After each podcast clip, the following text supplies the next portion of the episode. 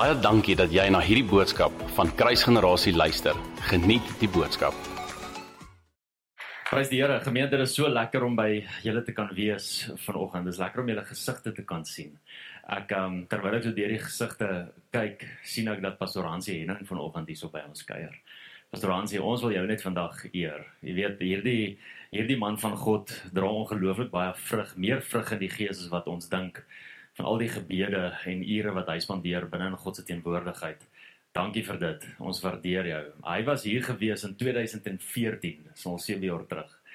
Um toe ek my intree preek gepreek het. En uh hy kort kort kort vir een of ander rede loop ons mekaar in cappuccinos raak, maar ek dink hy het groter aandele in cappuccinos as ek. Maar uh, as ek hom daar raakloop, dan kom hy na my toe dan sê hy vir my, "Onthou jy nog die momentum?" Hy onthou nog met preek wat ek gepreek het daardie dag. Verstoor ek uh, ek onder jou. Dankie dat jy vandag by ons kerk kan ons vir hom 'n lekker hande klap gee vandag. Maar ja, familie, Ek ehm um, voordat ek wil begin preek, ek het 'n regte woord wat ek met julle met julle wil deel.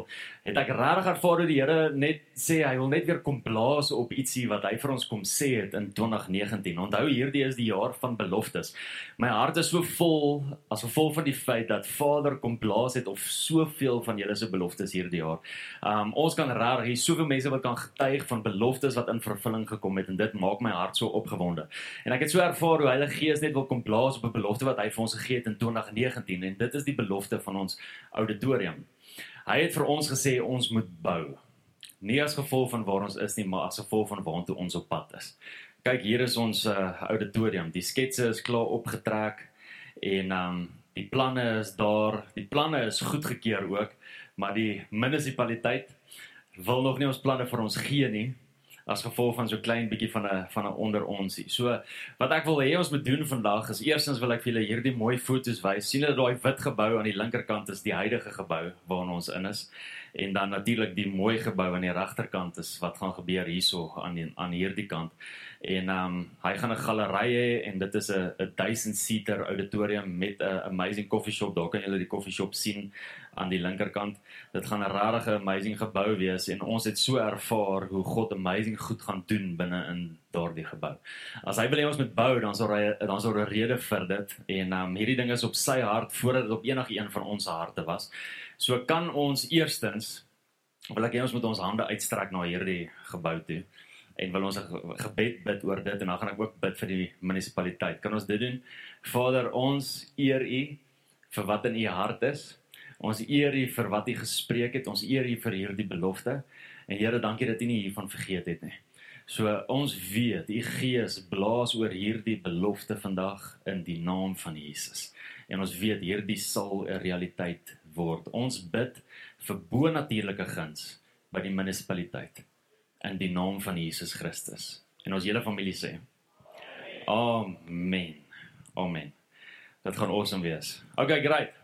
As jy jou Bybel hier het wat ek hoop want jy is 'n Christen, so ek hoop ek bring jou Bybel kerk toe, dan wil ek hê jy moet blaai na Markus 5 toe. Ek gaan vir ons lees uit 'n verhaal uit en um, daar's een storie, maar daar's 'n paar lesse en my tema vir vanoggend is dan natuurlik een storie, drie lesse. Een storie drie lesse. Hier's hier's iets wat ek vir jou wil wys vanoggend uit hierdie verhaal uit en ek het al uit hierdie gedeelte uitgepreek maar ek het so ervaar dat Heilige Gees weer iets opnuuts wil kom wakker maak op dit en um, ek weet dat uit een van hierdie drie lesse elke een van ons vanoggend iets daaruit sal kan leer. En hierdie is my gebed ook vanoggend vir jou dat Heilige Gees iets in jou hart gaan wakker maak teenoor dit wat ons gaan leer uit elke een van hierdie hierdie drie lesse. Goed. So wat ek gaan doen is is ek wil hê ons moet fokus op drie karakters. As ons kyk na hierdie storie, Dis 'n ware verhaal. So as ek sê storie, moet asseblief nie dink dat hierdie ding opgemaak is nie. Hierdie is 'n ware verhaal, maar vir die konteks van die preek noem ek hierdie 'n storie. En volgens hierdie storie is daar drie karakters of drie hoofkarakters binne in hierdie storie. En ek wil eintlik hê ons moet so 'n bietjie van die karakter se perspektief af na die storie kyk. In plaas van 'n buitestander wat ons so goed doen, Ons doen dit so goed om van 'n buitestander se kant af te kyk na 'n storie of 'n verhaal. Wil ek hê ons moet van die karakter se perspektief af kyk na hierdie storie. Kom ek verduidelik dalk wat ek wat ek doel hiermee. Baie keer sal ons byvoorbeeld die nuus oopmaak. Ons maak die Marula Media app oop of ons maak News24 app oop en ons lees 'n berig. Soos byvoorbeeld onlangs sou jy gesien het is daar 'n berig van vier seuns in Polokwane wat ontvoer het. Baie van julle kyk julle koppe so julle het ook hierdie berig gesien. En die oomblik wanneer jy daardie berig lees, dan kan jy obviously op 'n sekere manier optree. Die oomblik toe ek dit gelees het, dink ek by myself, "Joh, dis almal so sleg." Ek kan nie eers myself indink waardeur hierdie ouers moet gaan nie. Maar hier is die ding. Ek beloof jou dat hierdie storie, maak nie saak hoe sleg dit vir my is nie.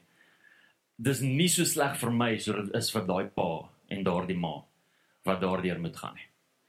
Die oomblik wanneer ek daarna kyk, dan kyk ek van 'n buite buitestander se perspektief af na hierdie storie. Dit raak dalk my hart, maar dit raak nie my hart soos wat dit hierdie ouers se hart raak nie. Nê? Nee? En baie keer lees ons die Bybel so. Ons kyk na iemand se verhaal of 'n karakter in die Bybel en dan dink ons, "Haai, joh, dit raak my hart." Maar ek kan jou beloof dit raak nie jou hart soos daai persoon se hart geraak het in daardie tyd nie. So ek wil hê ons moet ons perspektief so vanoggend so klein bietjie verander. En in plaas daarvan om van 'n buitekant af te kyk na Jairus, wil ek hê jy moet vanoggend Jairus wees. OK? Goed. Kom ons lees Matteus 5 vanaf vers 21. Ekskuus, Markus 5. Markus 5 vanaf vers 21. As jy by Matteus was, blaai net een aan. Markus is daar dit val so onder die emme Maleagi, Matteus, Markus. Jy gele weet die Bybel is in alfabetiese volgorde geskryf. Net daai drie boeke was volgorde. Goed. Vers 21 en toe Jesus weer in die skei oorgevaar het na die ander kant, het 'n groot menigte by hom vergader en hy was by die see. Prys die Here, dit klink vir my soos 'n profetiese woord. Die Here is by die see. Enigiemand amen sê op dit? Iemand lus vir 'n vakansie?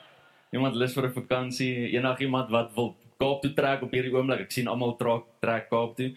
Die Here is was by die see. Goed, vers 22. En daar kom een van die owerstes van die sinagoge met die naam van Jairus. En toe hy by toe hy hom sien, val hy aan sy voete neer en smeek hom dringend. Let op die woorde smeek. Dringend en sê: "My dogtertjie is op haar uiterste." Kom lê haar die hande op sodat sy gesond kan word en sy sal lewe.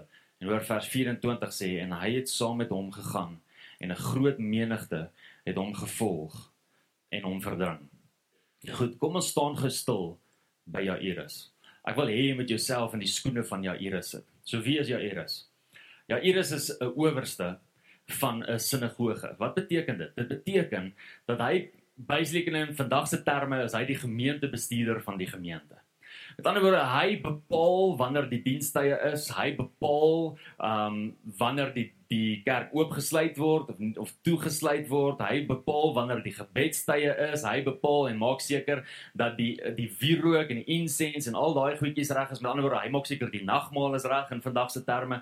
Hy is basically die gemeentebestuurder van die sinagoge. Wat hy ook doen, is dit was altyd die owerste van die sinagoge se verantwoordelikheid om die jong klein Jode seentjies op te rig en hulle die Bybel te leer, die woord te leer, die Torah of, of die Pentateeg wat ook al jy dit wil noem, die eerste 5 boeke van die Bybel. Dit is sy werk, sy verantwoordelikheid om hulle te te leer. En nou preek daar klomp Fariseërs en Sadduseërs in sy sinagoge. OK, so hy preek nie sommer self nie behalwe as daar nie 'n Fariseer of 'n Sadduseër is nie. Anders sal hy preek. Maar nou is daar klomp Fariseërs en klomp Sadduseërs wat besig is om te preek en hulle het klomp goeters wat hulle kwyt raak oor 'n man wat homself Jesus noem wat sê dat hy die Messias is, maar hulle raadpleeg hierdie ding. Hulle hulle betwyfel hierdie waarheid as gevolg van klomp profetiese goed wat volgens hulle net nie opdaai nie. En daar's klomp goed wat Jesus al gesê het, ons klomp goed wat Jesus al gedoen het wat gemaak het dat die Fariseërs en die Sadduseërs aanstoot geneem het in wie Jesus is en nou staan hulle agter hierdie owerste se kansel en sê klomp goeders van hierdie Jesus. Maar nou omdat hy owerste is van die sinagoge, het hy natuurlik te doen met die mense wat na die sinagoge toe kom. En hierdie mense is mense wat in die alledaagse wandel gesien het wat doen Jesus gesien het hoe hy blinde mense laat sien, gesien het hoe hy 'n dooie persoon laat opstaan uit die dood uit, gesien het hoe hy melaatses reinig en gesond maak. Nou kom hierdie owerste in aanraking met hulle en hy hoor al hierdie stories. En dadelik is daar 'n botsing, want die Fariseërs en die Sadduseërs sê hierdie ding, maar die mense getuig van 'n ander ding.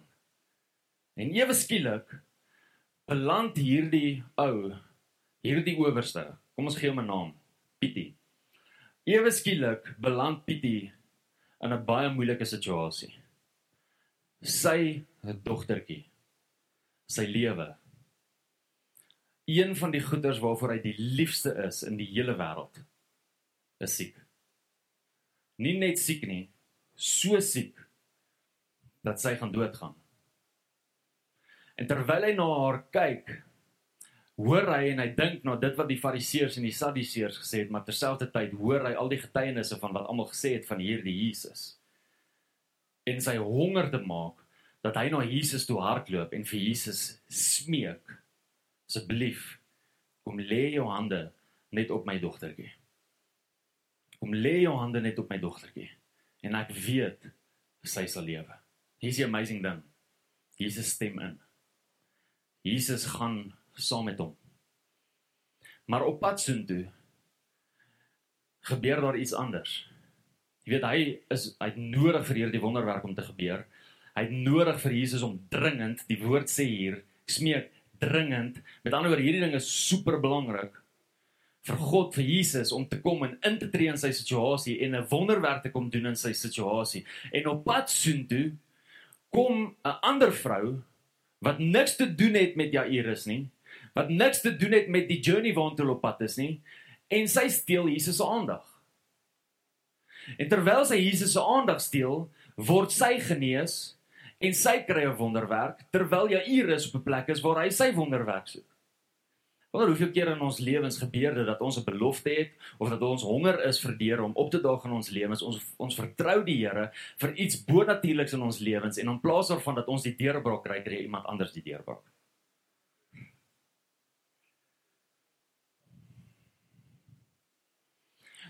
Nou sien Jairus hierdie. Hy weet hoe dringend hierdie ding is. Dink by jouself hoe dringend sou jy gevoel het as jou dogtertjie besig is om te sterf. Jesus maak gou.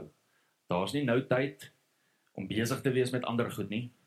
Daar's nie nou tyd om eers stil te staan by ander goed nie. Ek het nou nodig dat u nou intree want anders gaan my dogtertjie sterf. En hierdie ding gebeur.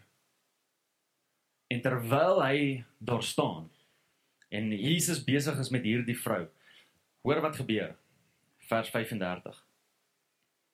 Terwyl hy nog spreek, Jesus is besig om te spreek met die vrou wat hy nou net gesond gemaak het. Terwyl hy nog spreek, kom daar mense van die owerste van die sinagoge se huis en sê: "U dogter is dood."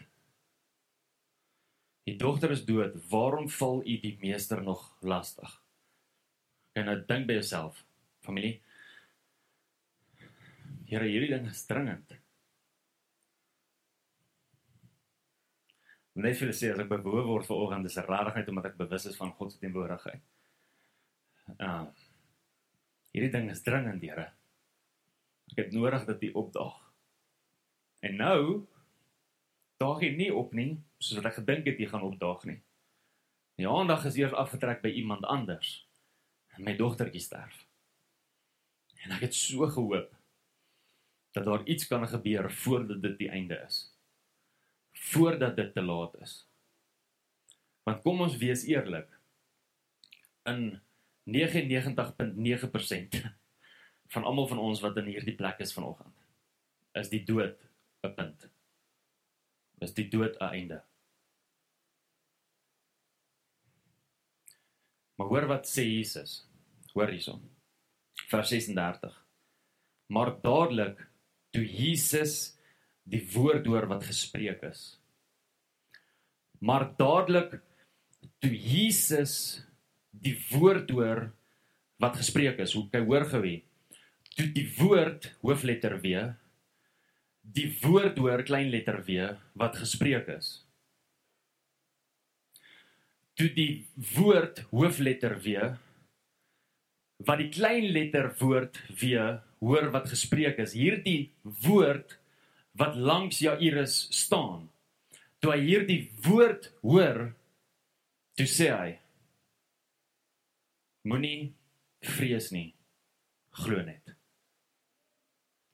Moenie vrees nie, glo net.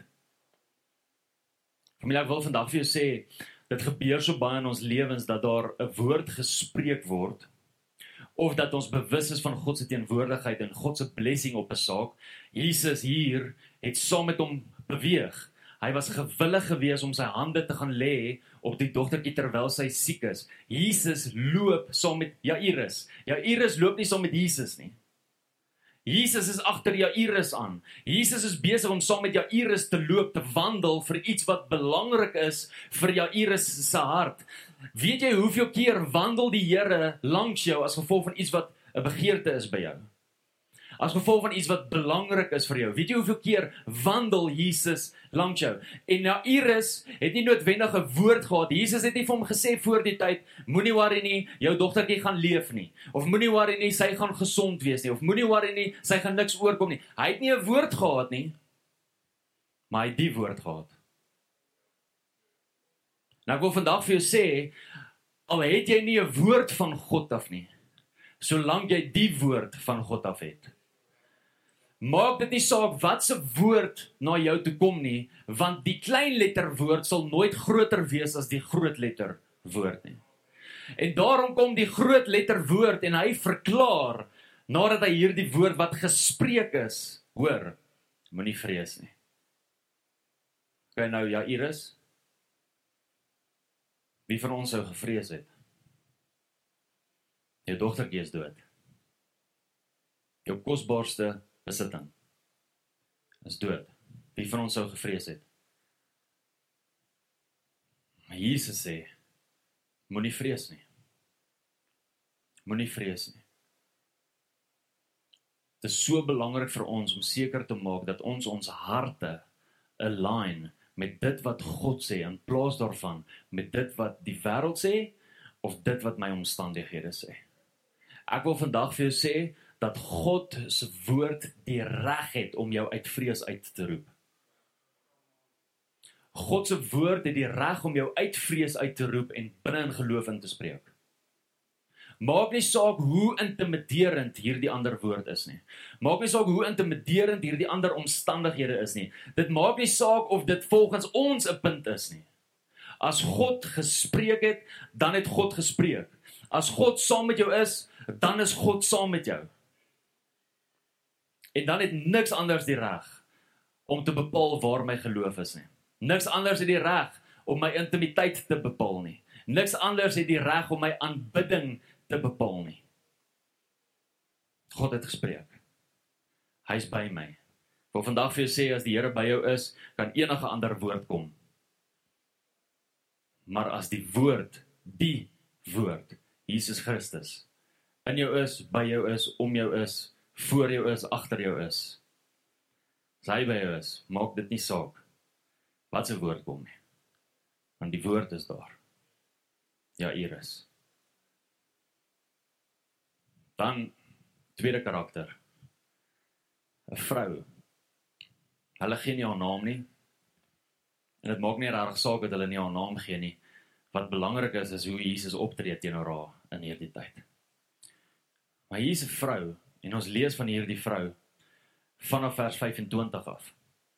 'n Sekere vrou, sê die Bybel, wat hoor 12 jaar lank onthou die getal 12. Ons 'n rede. Daar's altyd 'n rede hoekom sekere goed in die Bybel staan. Dit is nooit net toevallig nie. Onthou die woord 12, die getal 12. Vir 12 jaar lank ly sy aan bloedvloeiing. Okay.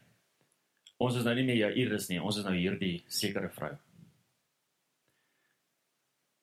Dink aan hoe sy mens voel deur aan vir 12 jaar lank deur onophoudelike bloedvloeiing te ly. Die woord van die Here sê hier en in in Lukas 8 sê die woord van die Here dat sy letterlik al haar besittings verkoop het om gesond te word by die dokters. Sy het alles in haar eie vermoë probeer om gesond te word. Sy het alles in haar eie vermoë probeer om 'n uitweg te kry. Ek weet nie wie's besig om alles in hulle eie vermoë te probeer nie, maar hierdie een is vir jou. Hierdie karakter is net vir jou.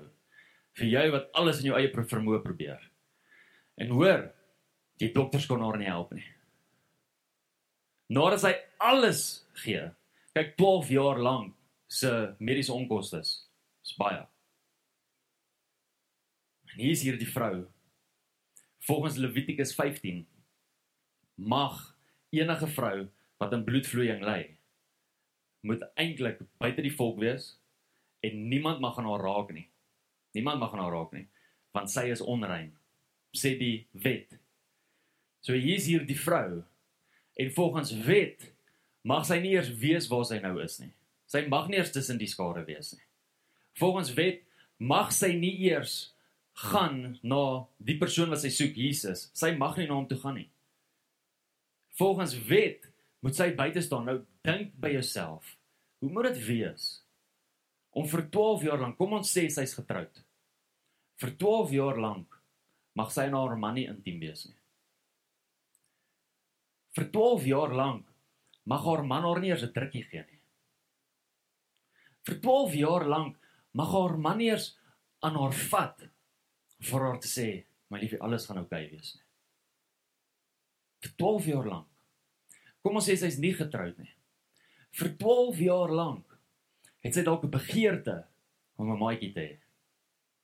Sy het 'n begeerte om geliefd te hê. Vir 12 jaar lank mag niemand aan haar vat nie, mag haar geen intimiteit wees nie, mag niemand vir haar omgee nie. Vir 12 jaar lank moet sy die hele tyd eenkant wees. Dink hoe moet jy voel as niemand niks met jou te doen wil hê nie?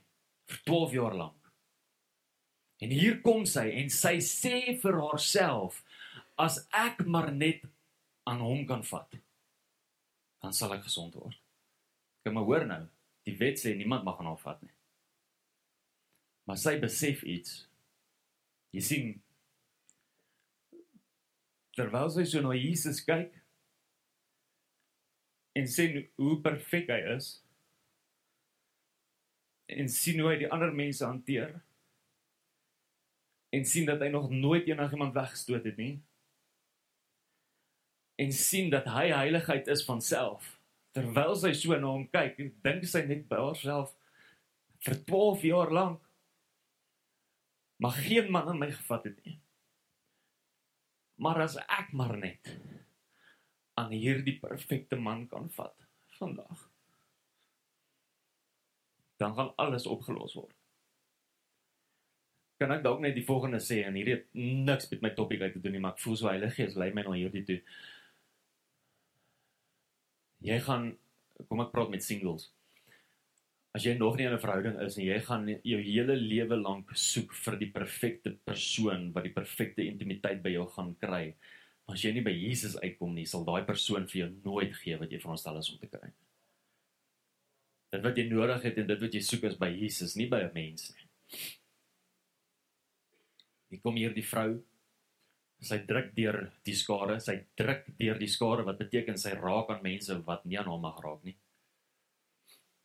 En sy kom van agter af want sy is te skaam om van voor af te kom. Want almal stoot haar nog altyd weg. En sy is so bang Sy is so bang dat Jesus dalk net sy rug, sy sy aangesig afdraai. Sy kom van agter af. En sy raak aan die soem van sy kleed. En die oomblik sê die woord, die oomblik toe sy aan hom raak, toe notice sy, toe kom sy agter, toe gewaar sy dat die bloedvloeiing gestop het. Die oomblik. Ou vandag vir jou sê dat een oomblik in Jesus se teenwoordigheid kan alles verander een aanraking aan Jesus Christus kan alles verander. Alles. En die oomblik toe sy aan hom raak, toe gewaar Jesus dat daar krag uit sy liggaam uit is. Daar gaan ek nou-nou praat. Maar hoor hier. Jesus sê vir haar hierdie amazing ding. Hy sê vir haar: "Dogter, hoor gou hier. Ja, Iris se dogtertjie is siek en gaan dood. Raai hoe oud was hy? 12 jaar oud. Hier's 'n ander dogter. Dalk obviously dalk een van die mense wat daar is se dogter, maar obviously 'n mens se dogter. Maar bo dit alles God se dogter. En sy lei aan 'n ding vir 12 jaar. Hierdie ding is meer getaai as wat jy eers dalk gedink het dit is. Hierdie ding is meer gekonnekteer as wat selfs die skrywer van Markus dalk gedink het hierdie is, want albei hierdie praat van God se soewereiniteit en hoe God soewerein optree, want dis wat die nommer 12 leer. Die woord, die letter 12, getal 12 profeties beteken God se soewereiniteit. En sy, Jesus kom en hy noem haar dogter. Want van 'n pa se kant af, onthou Jesus het niks gedoen as hy nie gesien het wat sy vader doen nie. Hy sê dit self. Van 'n vader se kant af, hier kyk Jesus. Nadat hy nog geraak het in al hierdie goedjies, kyk Jesus en hy sien Vader se hart. En die oomblik toe hy Vader se hart geopenbaar vir haar sien, kom hy en hy noem haar dogter. En hy sê vir haar: "Jou geloof het jou gered." Lukas sê: "Jou geloof het jou gesond gemaak." Haar geloof. Was dit Jesus se intensie gewees om haar te, te genees? Dit was nie sy intensie nie, maar dit was sy hart. Daar's verskil, nee, jy weet dit. Jesus se hart om haar te genees, maar dit was nie in daai oomblik sy intensie nie. Jesus is besig om te beweeg. Jesus is besig om te loop, te loop. Haar geloof het gemaak dat dit wat Jesus gedra het, gemanifesteer het in haar lewe. Maar vandag vir jou sê, kerk, familie, dis nodig vir ons om seker te maak dat ons geloof kan intap deur dit wat God dra. Want as ons ons geloof onderdanig kan kry teenoor God se se autoriteit, teenoor dit wat God dra, dan kan ons geloof dit manifesteer binne in ons lewens. Die oomblik wanneer ons geloof onderdanig raak teenoor dit wat God dra, net soos hierdie vrou. Derde karakter. Ek is seker julle weet wie die derde karakter is. Die derde karakter is Jesus. En dit klink dalk vreemd om jouself in in daai skoene te sit want hy's Jesus. Maar ek wil jouself, ek wil ons almal herinner, gee my net gou 'n oomblik. Ekskuus. Ek wil ons almal herinner aan dit wat Jesus gesê het in Johannes 14 vers 12. Dit sê vir waar vir waar dit wat ek doen sal julle ook doen en groter werke as hierdie omdat ek na my Vader toe gaan. Jesus het elke wonderwerk en elke ding wat hy gedoen het, gedoen as gevolg van die salwing van die Heilige Gees oor sy lewe. Handelinge 10 vers 38. Met ander woorde, hoe Jesus opgetree het en wat Jesus gedoen het deur die Heilige Gees is ons voorbeeld. En terwyl jy jouself nou vir 'n oomblik in Jesus se skoene sit, dink gou aan die volgende. Hier is Jesus. Hy's by die see. Maar hy's nie op vakansie nie.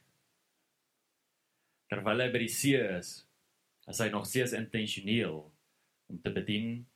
Is hy nog steeds intentioneel om die Vader se hart te openbaar aan almal wat daar is vir hom. Ek ek dink net daar kan ek ook stop want soveel keer gaan ons op vakansie en dan gaan ons hele godsdienstigheid op vakansie. Jesus is nog steeds intentioneel En hier kom 'n man, 'n owerste wat Jesus nie ken nie. Hy ken hom want hy's God, maar hy ken hom nie. Nog nie met hom te doen gehad nie. En in sy nood is Jesus bereid om te gaan. Hulle sê familie, ons as Christene, ons as gelowiges het 'n bereidheid nodig om te kan saamgaan en 'n bereidheid nodig om iemand anders se las ook op ons skouers te kan dra. Sê Paulus nie dra mekaar se laste Ons het nodig om mekaar se laste te kan dra. Ons het nodig om saam te kan vertrou. Om saam die Here te kan vertrou vir 'n wonderwerk, om saam die Here te kan vertrou vir vir 'n deurbraak. Jesus het saam gegaan. Maar hierdie is my die mees amazingste ding. Terwyl ek hierdie lees en ek myself in Jesus se skoene plaas, dink ek by myself, hoe Ek kry nie 'n ander woord nie. Hoe in tune moes Jesus met Heilige Gees gewees het. Hoe bewus Daar's die woord. Hoe bewus moes Jesus van Heilige Gees gewees het dat hy bewus is van die feit dat krag uit sy liggaam uitgaan.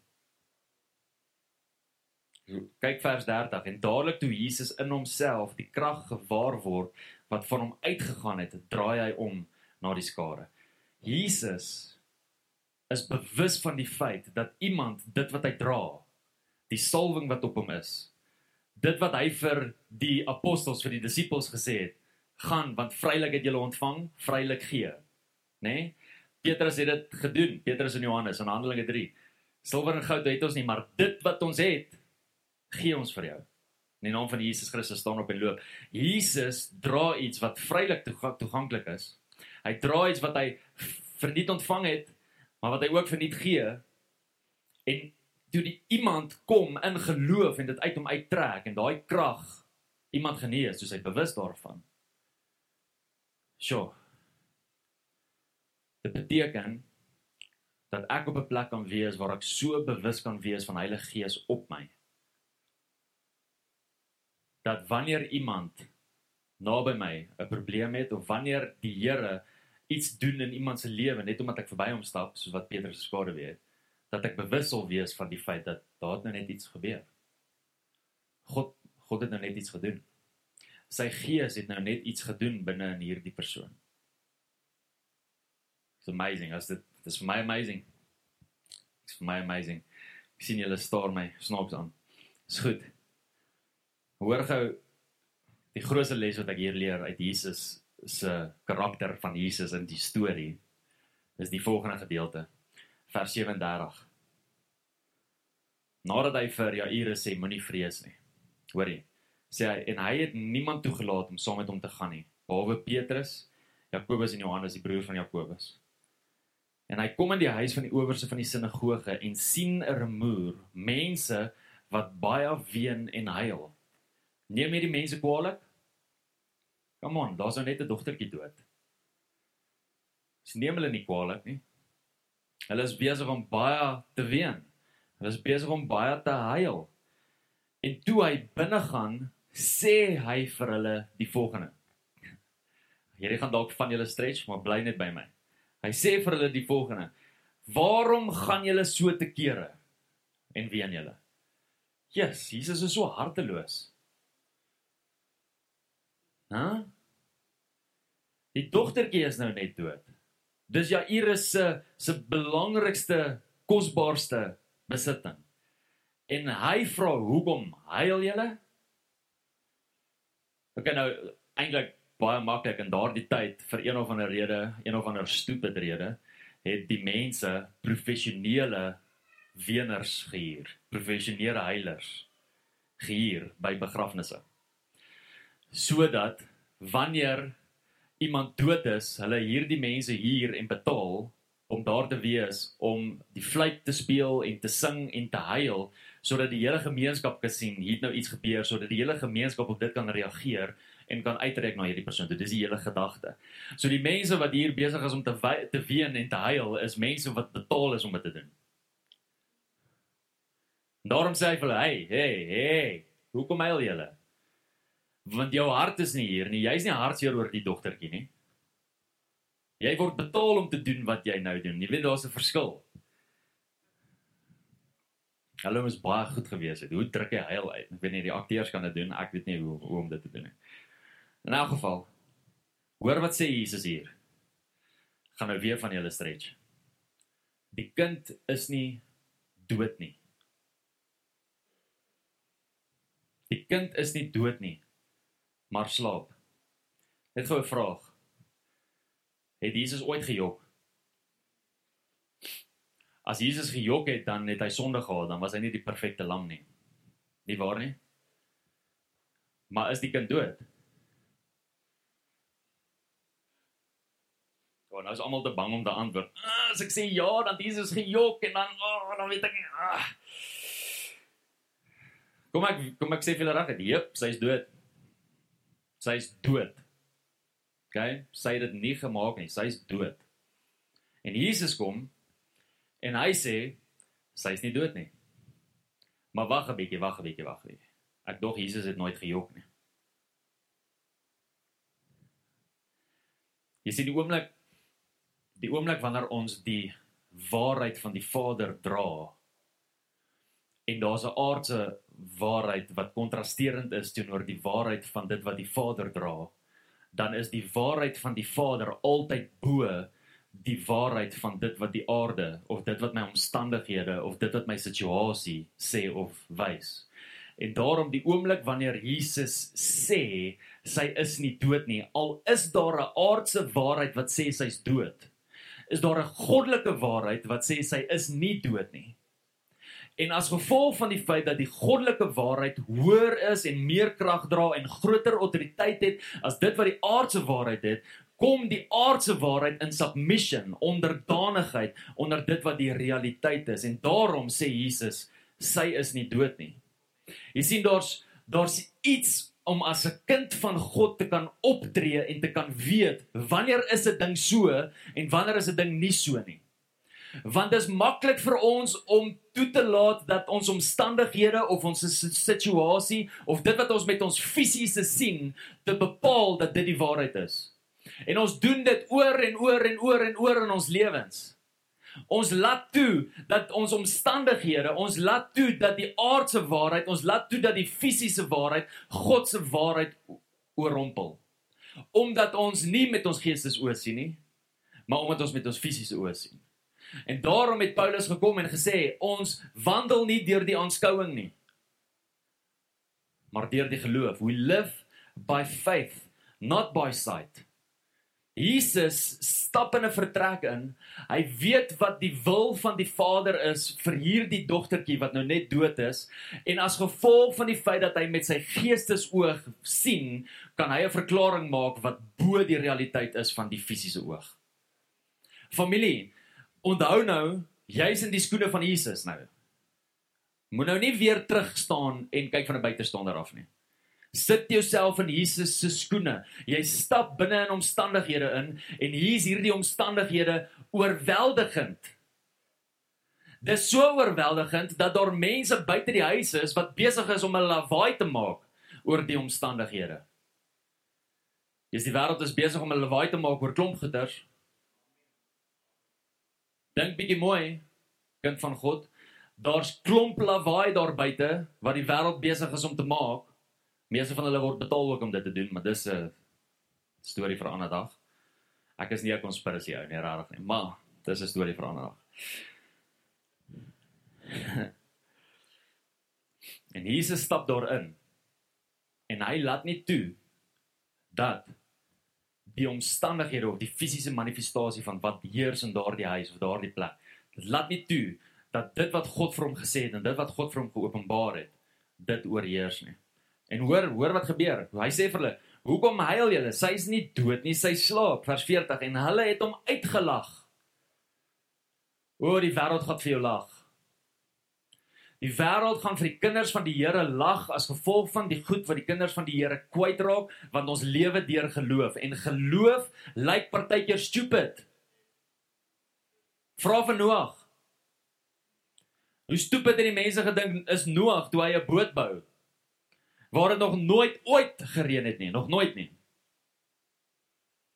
Baie keer lyk ons geloof stupid en die wêreld lag vir ons as gevolg van hoe stupid ons geloof lyk.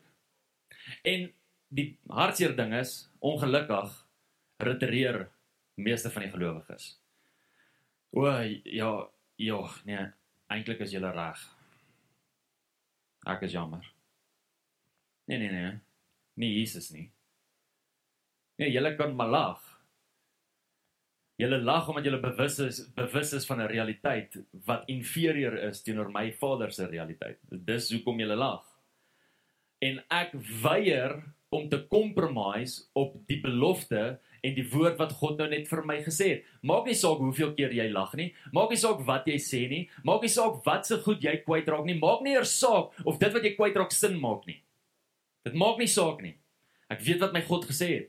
Ek weet wat my God van my verwag. Ek weet wat my God gespreek het oor hierdie omstandighede en oor hierdie situasie en ek beloof vir julle ek gaan vas staan op dit wat God gesê het. Nou Jesus doen juis dit. Maar hy het hulle almal uitgedryf en die vader van die kind saamgeneem en die moeder en die wat by hom was. Ek dink ons het partykeer nodig om mense uit ons lewens uit te dryf. Sjoe, dis onbybels pastoor.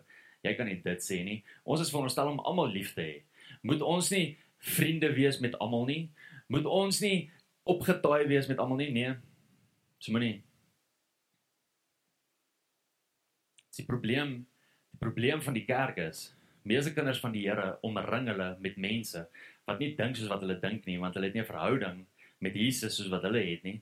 En dan voel hulle die pressure en hulle voel hoe mense vir hulle lag en hulle voel en was bewus van die feit dat hierdie mense nie met hulle saamstem en bewus is van hierdie realiteit nie en dit maak dat mense in hulle geloof retireer. Want as die hele wêreld so dink, dan moet dit mos so wees. Familie, kom aan. Dis tyd vir ons om te staan vir die waarheid sonder om te kompromie, sonder om 'n kompromie aan te gaan. Dis tyd vir ons om te staan vir die waarheid, selfs al lag mense vir jou. En partykeer het jy nodig om sekere mense uit die huis uit te dryf. En hoor mooi, jy dryf hulle nie uit jou lewe uit nie. Jy dryf hulle uit jou huis uit. Met ander woorde, daai space. Daai safe space.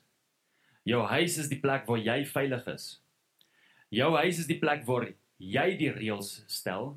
Jou huis is die plek waar jy die atmosfeer bepaal. Jou huis is die plek waar jy bepaal wie in beheer is.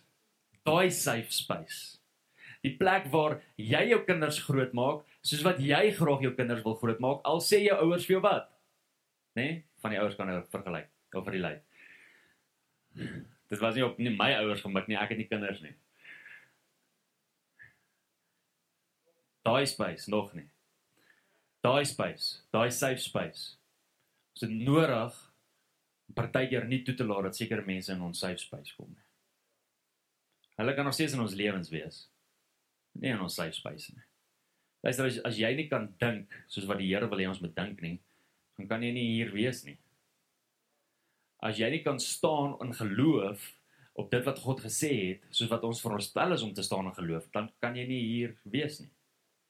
As jy nie saam met my God kan vertrou oor die beloftes wat hy gespreek het nie, dan kan jy nie saam met my hier wees nie. Jesus dryf hulle uit. Paulus bid en daar staan geskrywe: "Jesus prys die Here vir Jesus." Jesus het nie gesê toe die duiwel na hom toe kom, toe hy nie gesê ja, daar staan geskrywe in Psalm dit en dit, jy weet, jy mens lewe nie net van brood alleen nie, maar van elke woord. Jesus het gesê daar staan geskrywe. So, Daar staan geskrywe iewers in Tessalonisense van staan daar geskrywe. Paulus bid, hy vra vir die gemeente of hulle dit bid en hoor wat vra hy vir hulle? Hy sê bid dat God van my sal verwyder die verkeerde en slegte mense. Paulus bid dit. Hy sê dit, bid vir my. Bid dat God van my sal verwyder die verkeerde en slegte mense. God verwag dat ons almal lief is, maar almal is nie reg vir jou nie. Party mense is verkeerd vir jou en party mense is sleg vir jou. En die probleem met die kerk is, die probleem met gelowiges is, is ons laat toe dat die mense wat sleg is en verkeerd is vir ons 'n groter insaag het in ons lewens as wat ander mense het. Mense wat regtig dink soos wat ons dink, mense wat lief is vir die Here, mense wat agter God aangaan met alles wat binne hulle is. Hulle is veronderstel om die grootste sê te hê in jou lewe of inspraak te hê in jou lewe. Jesus dryf hulle uit hom uitgelag, almal uitgedryf, net die ma en die paas daar binne. Toe gryp hy die hand van die kind en sê vir haar Talita kumi wat as jy dit vertaal word sê dogtertjie, ek sê vir jou staan op en die dogtertjie het dadelik opgestaan en begin rondloop want sy was 12 jaar oud en hulle was uitermate verbaas. Hulle was hulle was verbaas. Maar nie Jesus nie. Jesus was nie verbaas nie. So drie karakters Een storie.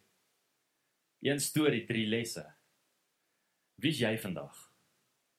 Dalk is jy vandag Jairus wat die Here vertrou vir 'n wonderwerk en 'n deurbraak wat nou moet gebeur. Dis 'n dringende ding, dis 'n dringende saak en as jy voel as Jesus nie nou opdaag nie, dan is dit die einde van jou of van jou droom of van jou belofte.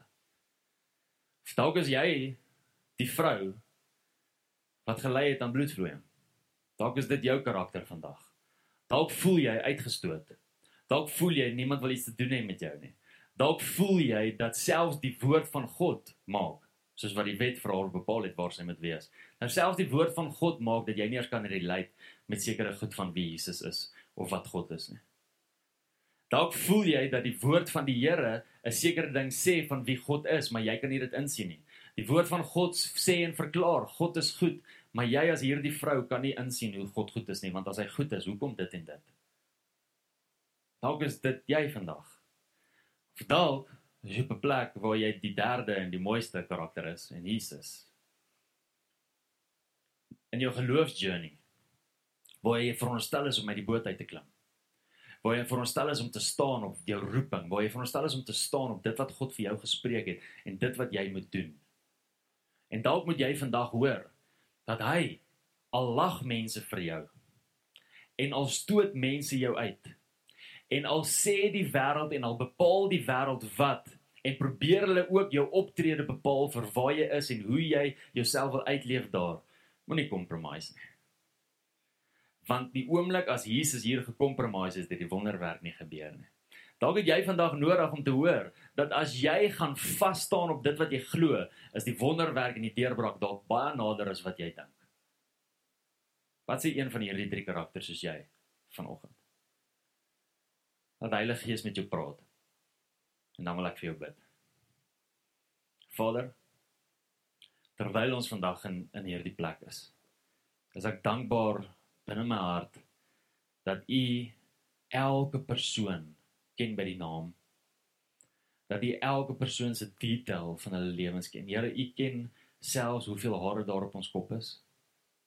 U weet watse omstandighede ons deurgaan, U weet waar ons is in ons geloofsjourney. U weet waarmee ons kan relate.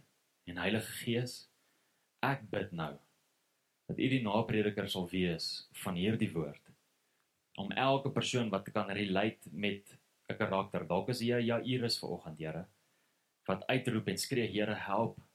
As U nie uithelp nie, as U nie help nie, dan is dit die einde. En ek bid dat daai Jairus vandag sal moed skep. Dat daai Jairus sal onthou wie langs hom stap dat daai Jairus sal weet dat die hoofletter woord by hom is en dat dit nie saak maak wat se ander woord teen hom gespreek is nie want daar's 'n groter woord wat by hom is en in hom is bid dat hulle dit sal besef vandag in die naam van Jesus ek bid vir die vrou vandag Here die vrou wat uitgeskuif voel die persoon wat uitgeskuif voel die persoon wat voel ek het net nodig dat iemand my raak sien ek het net nodig dat iemand sien waar ek is, dat iemand my ontmoet waar ek is. Ek het net nodig om in geloof 'n aanraking te hê met Jesus Christus. Bid vir daardie persoon vandag, Here. En ek bid dat U Gees die connection sal bring tussen hom, waar en Jesus. En dat ons geloof that we will not waver in our faith, Lord. Dat ons sal vas staan in ons geloof. En as ons die oortuiging het dat ons moet uittreë in geloof en iets doen wat nog niemand anders gedoen het nie want nog niemand het in daardie tyd al aan u soem geraak en gesond geword nie. Sy was die katalisator van hierdie beweging. Ek bid Here dat daar iemand sal wees in hierdie plek wat soveel geloof sal hê dat hulle geloof katalisator sal wees. Verander in Jesus naam. En vir die Here wat in ministry staan, reg waar ons is, want dit ons almal vir ministry geroep vir die wat wil waag, vir die wat in waarheid wil staan in hulle werksplek. By die skool bid vandag spesifiek vir onderwysers met 'n kurrikulum wat nie van U af is nie. Met 'n kurrikulum wat mense verkeerd kinders verkeerd leer met met 'n waarheid en en 'n en 'n druk van 'n regering af en 'n departement af wat sê dat jy nie sekere goeders mag doen of verklaar nie met 'n wêreld wat besig is om ons kinders se gedagtes te indoktrineer en hoe hulle moet wees en hoe hulle moet optree en dat hulle self kan kies wie hulle mag wees en dat hulle self hulle gender gender mag verander en al hierdie goeters, Here. Ek bid vir daai onderwysers spesifiek dat hulle nie sal waver en sal vas staan, Here, binne in u waarheid in die naam van Jesus. You as creator has the right to say to the created what we are supposed to be. Not the created to the creator. Ons het nie die reg om vir u te sê wie ons moet wees nie. U het die reg om vir ons te sê wie ons moet wees en hoe ons moet optree en hoe ons moet leef. En Vader, die vyand is besig om dit te distort. Ek bid dat ons sal vas staan aan die waarheid en nie geïntimideerd sal wees deur 'n wêreld wat ander goed spreek of 'n wêreld wat vir ons lag nie. Dankie vir boldness. Dankie dat jy daai boldness vasmaak in ons harte. En dankie Here dat ons 'n kruisgenerasie sal wees wat beweeg vanaf die kruis af en dat ons die volheid van die kruis sal sien in elke generasie in die naam van Jesus. Amen. Baie dankie dat jy na hierdie podcast geluister het. Indien jy die boodskap geniet het, deel hom asseblief met jou vriende.